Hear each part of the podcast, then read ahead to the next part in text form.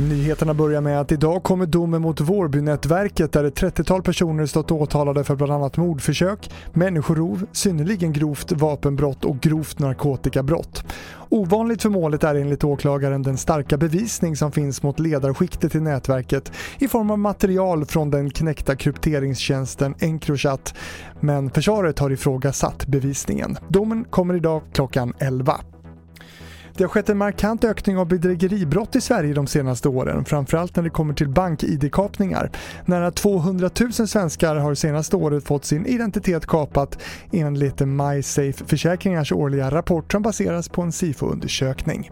Och sist i sändningen om att från och med andra veckan i augusti då kan vaccineringen av ungdomar över 16 år dra igång. Det meddelar Folkhälsomyndigheten nu på förmiddagen.